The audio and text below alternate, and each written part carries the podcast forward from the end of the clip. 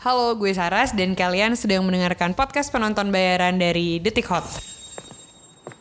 아 잠깐 제시카 외동딸 일리노이 시카고 과선배는 김치모 그는 이사촌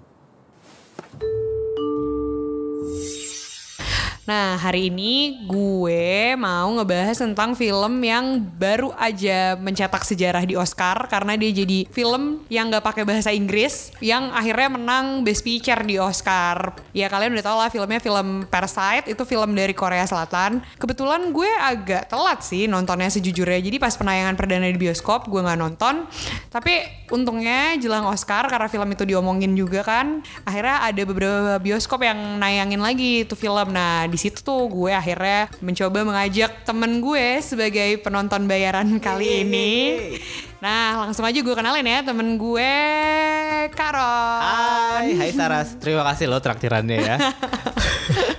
Ini juga cukup mengejutkan ya, karena kita dari uh, pagi udah nungguin pengumuman Oscar dan bisa dibilang ini agak-agak melenceng dari prediksi semua orang ya. Iya gak sih? Iya iya iya, kayaknya semua orang tuh ngeprediksi maksudnya film lain ya. Secara eh, waktu tahun berapa tuh kan kayak ada film sempet Roma yang pakai bahasa Meksiko. Tahun lalu Nah, kebetulan. ya tahun Ah. lalu itu kita pa- apa banyak yang ngira bakal menang ternyata oh enggak terus Enggak, kita jadi betul. kayak pesimis oh, Oscar politis nih. Iya, iya, iya, Ya iya, kan? bener, kayak eh, kayaknya harus film bahasa Inggris, harus film Hollywood ternyata enggak gitu. Kali ini juga bener-bener yang tadi Saras juga bilang kayak cetak sejarah banget kan selain uh, film yang non bahasa Inggris pertama yang menang Best Picture terus juga dari Asia gitu kan jadi kayak walaupun kita bukan orang Korea, apa pun apa pun yang terjadi whatsoever gitu ya tapi seneng banget gitu bayangin aja selama 92 tahun Oscar ini tuh yang pertama gitu kan Best Picture gitu Dan dari Asia, maksudnya lo sebagai biarpun kita orang Indonesia ya, Ah. bukan orang Korea, sebagai orang Asia ngerasa kayak wah akhirnya kita mendapatkan rekognisi yang we deserve gitu. Betul, betul, betul. Dan kayaknya emang ini selain kemarin juga banyak banget diomongin, kayak setelah ditayangin banyak diomongin, terus awardnya juga banyak banget ya. Hmm, selain jadi best picture tuh dia dapat best director juga. Betul. Best foreign language film sama best original screenplay. Ya, kemarin juga sempat menang di Critics' Choice Movie Award sebagai uh, Best Director dan juga Best Foreign Language Film. Terus di BAFTA juga menang ya kategori yang sama juga dan Best Original Screenplay juga di uh, SAG Award juga kemarin sempat menang juga. Jadi kayaknya emang Oscar ini jadi puncak dari segala penghargaan yang yang Parasite deserves gitu ya. Lihat gak sih tadi si sutradaranya tuh kayak ngelihat pialanya tuh yang kayak wah gitu. Berkali-kali kayak gitu. Jadi ketika dia pertama kali megang yang best uh, original screenplay juga kayak bener nggak sih? Bener ini nggak kayak sih? iya bener nggak sih? Bener, gitu. bener, bener. kelihatan banget. Apalagi yang pas yang pas si dia ini yang pas dia menang best direct director juga Ah, gitu kan. kayak dia juga sendiri nggak percaya. Sampai akhirnya pas best picture dia udah nggak mau ngomong lagi. Kayak di- ya udah yang lain aja yang ngomong gitu. Kayaknya mungkin dia sendiri kayak ngerasa Iya tapi Amazed banget haru ya. sih, maksudnya haru banget. Maksudnya semua orang tuh pasti ngiranya jagoan lo tuh siapa kemarin lo kira ya? Kalau gue tuh kemarin jagoinnya sebenarnya 1917. Walaupun walaupun memang gue suka banget nih sama Parasite. Maksudnya gue suka Korea-Koreaan. Jadi ketika ada film Korea biasanya kayak oh gue bias nih ke situ gitu. Tapi setelah nonton 1917 tuh kayak kayak ini bakal menang sih 1917 menang sih. Jadi gue ngejagoinnya itu dan Apalagi saudaranya Sam Mendes kan. Betul, terus juga kayak apa ya? Gue tuh masih agak-agak skeptis sama Oscarnya Iya sebenarnya. iya iya kayaknya mereka mau melegitimasi kalau Oscar tuh punya Hollywood gitu kan. Uh, uh. Ternyata enggak, ternyata mereka kayaknya mungkin mau ngebuktiin nih gue kasih nih Asia gitu. Iya bener-bener. Kalau lo sendiri kemarin ngejagoin siapa? gue gue tuh sebenarnya suka banget bombshell ya tapi maksudnya kan dia nggak masuk Hmm. Nggak masuk Best tuh. Picture, sebenarnya iya. dia masuknya kayak eh, kalau nggak salah tuh Eh, in eh, ya menangnya Menangnya makeup kalau di menangnya Oscar. makeup tapi eh, maksudnya masuk nominasi tuh best actress sama Oh, iya. best supporting actress Betul. tapi maksudnya premis yang diangkat bagus banget sih bombshell kalau belum nonton juga boleh nonton Gue juga belum nonton. Bayarin dong. boleh boleh nanti, Nanti ya. nonton Oke, bayaran oke, oke ya. di berikutnya ya Oke, boleh, boleh, Oke, boleh. oke Nah, sebenarnya kita sedikit pengen ngebahas tentang sinopsis filmnya dulu. Mungkin buat yang belum nonton kali ya. Hmm, Sebenarnya Parasite ini cerita tentang apa sih gitu. Karena gue yakin deh orang-orang yang eh, nggak terbiasa dengan nonton film Korea gitu Hmm. ya, walaupun mereka suka nonton film tapi mereka nggak terbiasa nonton film Korea. Kadang-kadang suka kayak oh nggak mau ah film Korea gitu. Gitu iya biasanya tuh kayak gitu. Kayaknya ada temen gue juga yang karena dia nggak terlalu suka yang Korea Koreaan itu jadi setiap kali ngeliat film Korea tuh kayak nggak mau ah film Korea apaan sih? Kayak gitu. Padahal sebagus itu loh antipati sebenarnya. duluan ya. Padahal Betul. kalau Parasite nih maksud gue menurut gue industri film Korea tuh udah mapan banget sih. Dan maksudnya film-film yang mereka hasilkan bagus. Salah satunya si Parasite ini. Jadi Parasite ini nih ceritanya tentang keluarga nih miskin keluarga Hmm. Kim. Dia tuh tinggal di bawah tanah gitu di kota Seoul iya, iya, iya, jadi karena kayaknya biaya hidup di sana tuh tinggi banget kan. Jadi eh, mau nggak mau untuk dapet eh, sewa yang murah akhirnya mereka tinggal di bawah tanah. Nah akhirnya ad- anaknya nih anak tertuanya si anak pertamanya mencoba mengangkat status keluarganya dengan memanfaatkan satu keluarga kaya namanya keluarga Park iya yang rumahnya bagus banget itu. rumahnya bagus banget. Uh terus ya dari situ akhirnya dia mencoba cari keuntungan dari keluarga Park dia ngajak semua keluarga buat kerja. Buat kerja di situ buat kerja di situ. Cuma ya itulah mereka menipu gitu lah ibaratnya. Mereka pura-pura jadi bukan satu keluarga gitu. Jadi Hmm. Ya. satu persatu masuk ke keluarga itu. Sampai akhirnya si keluarga Park ini mencoba eh sorry si keluarga Kim ini mencoba menjatuhkan asisten rumah tangga di keluarganya Park yang supaya udah- mereka bisa nguasain gitu. Supaya mereka bisa nguasain itu rumah gitu. Dari situlah konflik mulai satu persatu. Iya, iya. Sampai Ke- akhirnya seru. kedengarannya kedengarannya emang kayak sinetron banget ya, kayak satu keluarga ingin menjatuhkan keluarga lain. Tapi memang kayak gitu gitu, kayak mereka memang berusaha untuk apa ya si orang-orang miskin ini berusaha untuk melanjutkan hidup mereka gitu ya, Hmm. Survive dengan memanfaatkan kondisi kekayaan yang si orang-orang kaya ini gitu. Jadi ya, ya emang emang sesinetron itu, tapi plot twistnya yang kayaknya gue sih kayak pas awal-awal nonton tuh kayak wah gila sih kok bisa? gitu kok bisa? gitu.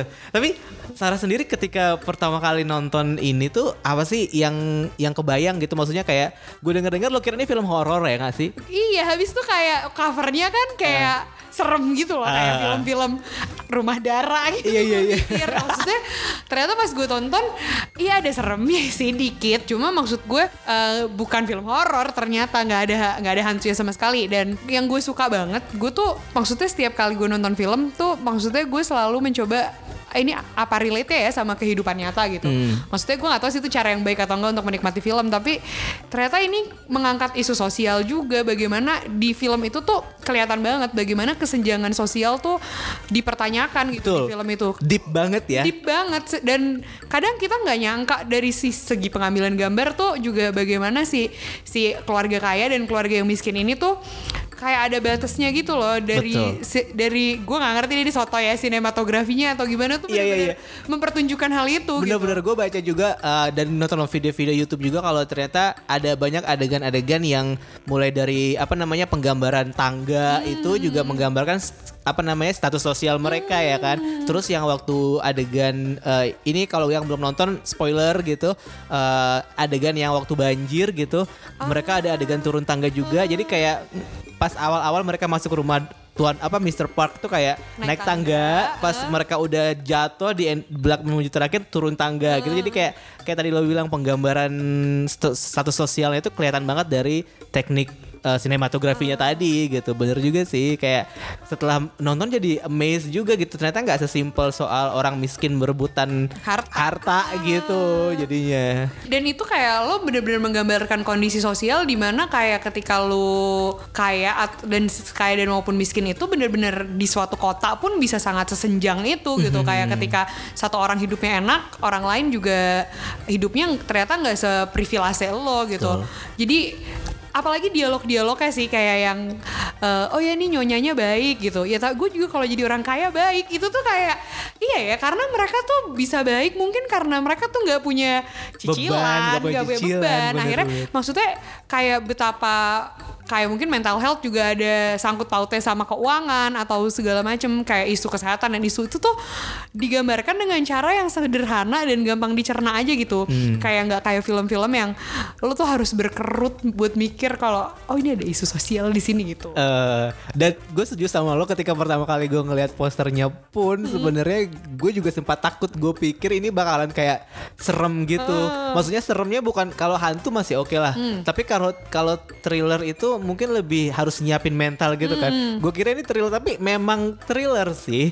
Cuman nggak yang separah itu maksud gue nggak sampai eh, nggak sampai yang kayak berdarah-darah banget gitu. Tapi memang eh, lo harus mempersiapkan diri sih menuju ke ending itu kayak kayaknya ada banyak banget layer yang "Hah, kok bisa gini kok bisa gini gitu tadi apalagi pas eh, yang adegan waktu mereka lagi apa namanya yang si keluarga Parknya lagi pergi terus tiba-tiba mereka bilang mereka mau pulang itu tuh kayak mampus ketahuan lo ketahuan lo itu tuh jadi kayak gitu. Jadi kayak nontonnya bener-bener tegang sendiri. Tapi mungkin di situ kali ya eh, nilai plusnya dari film ini yang kayak padahal terkesannya kayak di awal tuh kita sangat dimanjakan dengan eh, apa namanya ini orang-orang berhasil nih gitu kan. Dari dari mereka berhasil menduduki keluarga kaya terus tiba-tiba mampus ketahuan nih mampus deh mampus kayak gitu. Jadi kayak lebih lebih lebih ekspresinya lebih lebih dari kayak nonton setan gitu yang kayak kayak takut pas mereka ketahuan tuh kayak wah bakal gimana ya kelanjutannya? Tapi itu yang bikin gue jadi pengen terus-terusan buat penasaran akhirnya nih gimana sih eh, apa namanya konklusi ceritanya gitu seru sih ya Seru sih. Sama yang gue suka dari gue nggak tahu ya, gue nggak terlalu banyak nonton film Korea Selatan. Cuma maksudnya yang gue suka dari produksi film Korea Selatan, mereka tuh kayak alurnya tuh kayak ngasih napas gitu loh. Jadi eh, nggak selambat film Eropa, tapi nggak secepat film Amerika. Hmm, oke Itu kayak gue melihatnya tuh kayak itu variation sih. Maksudnya kayak lu tuh ada ada dikasih napas bentar terus tegang lagi Setuju. napas bentar tegang lagi Setuju ya. gue, Dan iya, itu bener. tuh itu tuh karakteristik film-film Asia Timur kan Jepang terus film-film Hong Kong Hmm. Oke. film-film Korea tuh alurnya tuh kayak lu nggak secepat film nggak secepat film produksi Hollywood tapi nggak selambat film Eropa juga Iya kerasa bedanya aja gitu ketika ketika ketika lo nonton Parasite dengan segala drama-dramanya oh iya ini variation gitu. Hmm. Ada adegan favorit gak sih selama lo nonton ini? Of course yang di pesta Indian itu ya. Yang adegan terakhir ya. Eh, Eh. yang kayaknya harus nonton sendiri deh lo Bener, gue bener, tau kayak Karena gue Gitu. kalau pas pas nonton itu tuh yang gue rasain kayak gue nggak mau ini film berakhir di situ. Karena gue pengen masih ada lanjutannya terus kayak dijelasin gitu. Iya. Tapi ternyata berakhirnya di situ Iya, iya, dan iya. ngegantung banget. Itu yang bikin gue jadi ngerasa begajulan gitu loh kayak oh nggak bisa nggak bisa gini gitu. Harus harus dilanjutin harus dilanjutin gitu. Iya iya tapi maksudnya gue suka sih kayak akhirnya justru gue suka ending yang kebuka gitu loh. Jadi kayak kita bisa menginterpretasi oh ini akhirnya ber- eh, happy ending atau enggak. Karena kalau misalnya film yang happy ending happy ending aja itu standar film banget gak sih? Ah ini akhirnya bahagia gitu. Kalau misalnya film apa? Film yang akhirnya endingnya kebuka kita jadi punya ruang interpretasi yang bebas aja yang liar gitu untuk kayak oh ya ini kayaknya ntar kayak gini deh Iya iya iya. Tapi kayaknya nanti kita akan ngelihat satu sisi yang lebih beda lagi dari Hmm. mini seriesnya yang bakal dibikin HBO nih. Oh. Jadi nanti bakalan ada apa mini series Parasite yang Hmm. diproduksi sama HBO yang menceritakan. Tapi gue nggak tahu ya penceritaannya apakah nanti bakal di menjelaskan endingnya kayak gimana. Tapi yang yang udah dirilis informasinya itu adalah eh, dia akan nyeritain di setiap adegan-adegannya Hmm. itu. Jadi lebih lebih di antara adegan satu ke adegan yang lainnya jadi lebih lebih detail gitu. Jadi seru juga sih kayaknya ya bikin penasaran kayak sekitar 6 episode gitu. Jadi versi panjang Versi dari lebih si- panjang. Soalnya setahu gue sih waktu itu si Bong Joon-ho ya pernah bilang kalau dia ditawarin buat bikin film lagi nih. Hmm. Eh, tapi dia bilang kayaknya kalau dua jam aja tuh nggak bakal cukup nih buat ngejelasin semua filmnya. Jadi Hmm. kita bikin aja 6 jam tapi bentuknya jadi mini series gitu. Gue sih tertarik banget karena gue suka banget sama filmnya gitu. Iya iya dan kalau misalnya dan maksudnya itu menurut gue terobosan yang oke sih untuk lo bikin mini seri karena kalau ketika lo nonton film terlalu lama kan juga mungkin jenuh terus Betul. aduh ini kapan akhirnya sih gitu. Hmm. Tapi juga ada gosip kalau mereka biasanya kan kalau Amerika tuh kalau film Asia sukses dibikin tuh versi Oh mereka. versi remake-nya. Ah, gimana kalau menurut lo tuh kalau dibikin versi Amerikanya bakal seseru ini nggak? Kalau menurut gue karena eh, film Parasite ini kan ngomongin sebenarnya core-nya tuh isu sosial yang benar-benar sangat Korea Selatan gitu. Maksudnya gue percaya sih semua negara tuh pasti permasalah punya permasalahannya sendiri gitu. Nah, ketika permasalahannya itu dipindahin, apakah si Amerika ini bisa menginterpretasi masalah yang ada di Korea Selatan ini dengan seseru Parasite gitu? Karena kan maksudnya mungkin keso ya gue yakin sih di Amerika juga pasti ada soal kesenjangan. Cuma pasti nggak bisa plek jiplek sih. Kalau Hmm. misalnya nggak bisa plek-plekan, kalau misalnya plek-plekan malah jadinya kayak maksain aja gitu. Betul betul. Kayak gue juga agak-agak nggak setuju juga sih karena kadang-kadang kalau Amerika bikin remake gak selalu bagus soalnya lebih bagus versi aslinya gitu. Karena kan ya itu, karena kan menurut gue film itu kayak lu memotret eh memotret sesuatu tapi medianya dari produk budaya aja gitu. Jadi kayak misalnya ketika ada isu apa nih lagi diomongin gitu. eh oh ya udah akhirnya kita bikin filmnya gitu. Tapi pada akhirnya kayak ketika permasalahan itu dipindahkan ke negara lain yang permasalahannya belum tentu sama, itu dia pertanyaannya apakah si negara itu bisa menginterpretasikan film itu dengan baik atau enggak gitu. Betul, iya sih, setuju, setuju, setuju. Tapi tetap ya kita masih agak nggak percaya sih, gue sih terutama masih agak nggak percaya nih, masih masih yang kayak wah kok bisa, tapi tapi tetap bangga sebagai orang Asia kita tetap bangga sama film ini. bangga gue bangga banget sih kayak maksudnya akhirnya gitu Hmm. Dan kayak ini sebagai sebuah pembuktian juga ke seluruh dunia bahwa industri film di Asia di Asia gitu ya, apalagi di Korea Selatan tuh emang udah hidup banget dan film bagus tuh nggak nggak selalu dari Amerika, nggak selalu dari Hollywood atau dari Inggris gitu. Karena studio-studio apa PH-PH dari Asia kayak dari Korea itu juga bisa tuh bikin film-film yang bagus yang kayak Parasite ini ya nggak sih? Dan gue setuju banget sama apa namanya salah satu quote-nya Bong Joon-ho yang kemarin dia pas di Golden Globes dia bilang once you overcome the one inch tall barrier of subtitles you will be introduced to so many more amazing films. Jadi kayak iya, iya, iya, jadi iya, kayak iya. permasalahan kita sebenarnya cuma subtitle. Kalau kita mau nonton film dengan subtitle kita akan tahu bahwa yang tidak berbahasa Inggris pun tuh bagus-bagus sebenarnya gitu. Dan Iya, iya, senang iya. banget sih gue sama quote ini. karena ya film kan juga memotret gitu ya. Ibaratnya kayak ketika orang ya lo orang orang-orang yang ada di Hollywood situ nggak perlu pergi ke Korea gitu untuk tahu Korea kayak gimana. Tapi lo bisa me- mendapat bayangannya lewat filmnya gitu Nah segitu dulu ya. Seru banget ya ngobrol sama Kak Ron. Pengen gak sih kalian nonton gratis dibayarin? Kalau pengen kayak Kak Ron jadi penonton bayaran Kalian gampang banget sih caranya. Tinggal share aja podcast ini ke sosial media kalian. Tapi jangan lupa dikasih hashtag podcast penonton bayaran Sama tag ke Instagram atau Twitter ya Detik Hot. Nantinya kalau kalian terpilih Aku bakal hubungin buat bayarin kalian nonton Sama ngobrol-ngobrol di podcast ini bareng aku. Nah kritik sama sarannya kalau ada langsung aja kirim ke redaksi at detikhot.com See you next week